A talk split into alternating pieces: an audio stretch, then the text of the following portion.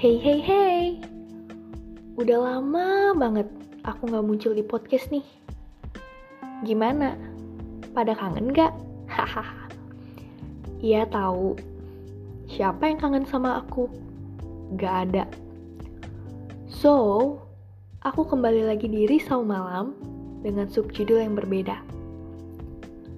Setelah kemarin kalian dengerin curhatan aku yang belibet dan bikin emosi, karena anak ini gak move on move on. Tapi akhirnya move on loh.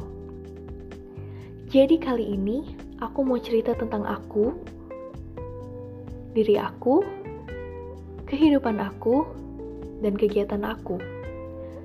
Juga tentang kebaikan Tuhan sama aku. Dan gak cuma itu. Nanti kalian juga akan dapat quotes-quotes yang super motivate. So, tungguin episode pertama dari subjudul yang baru di podcast Risau Malam. See you! And mau tahu rahasia?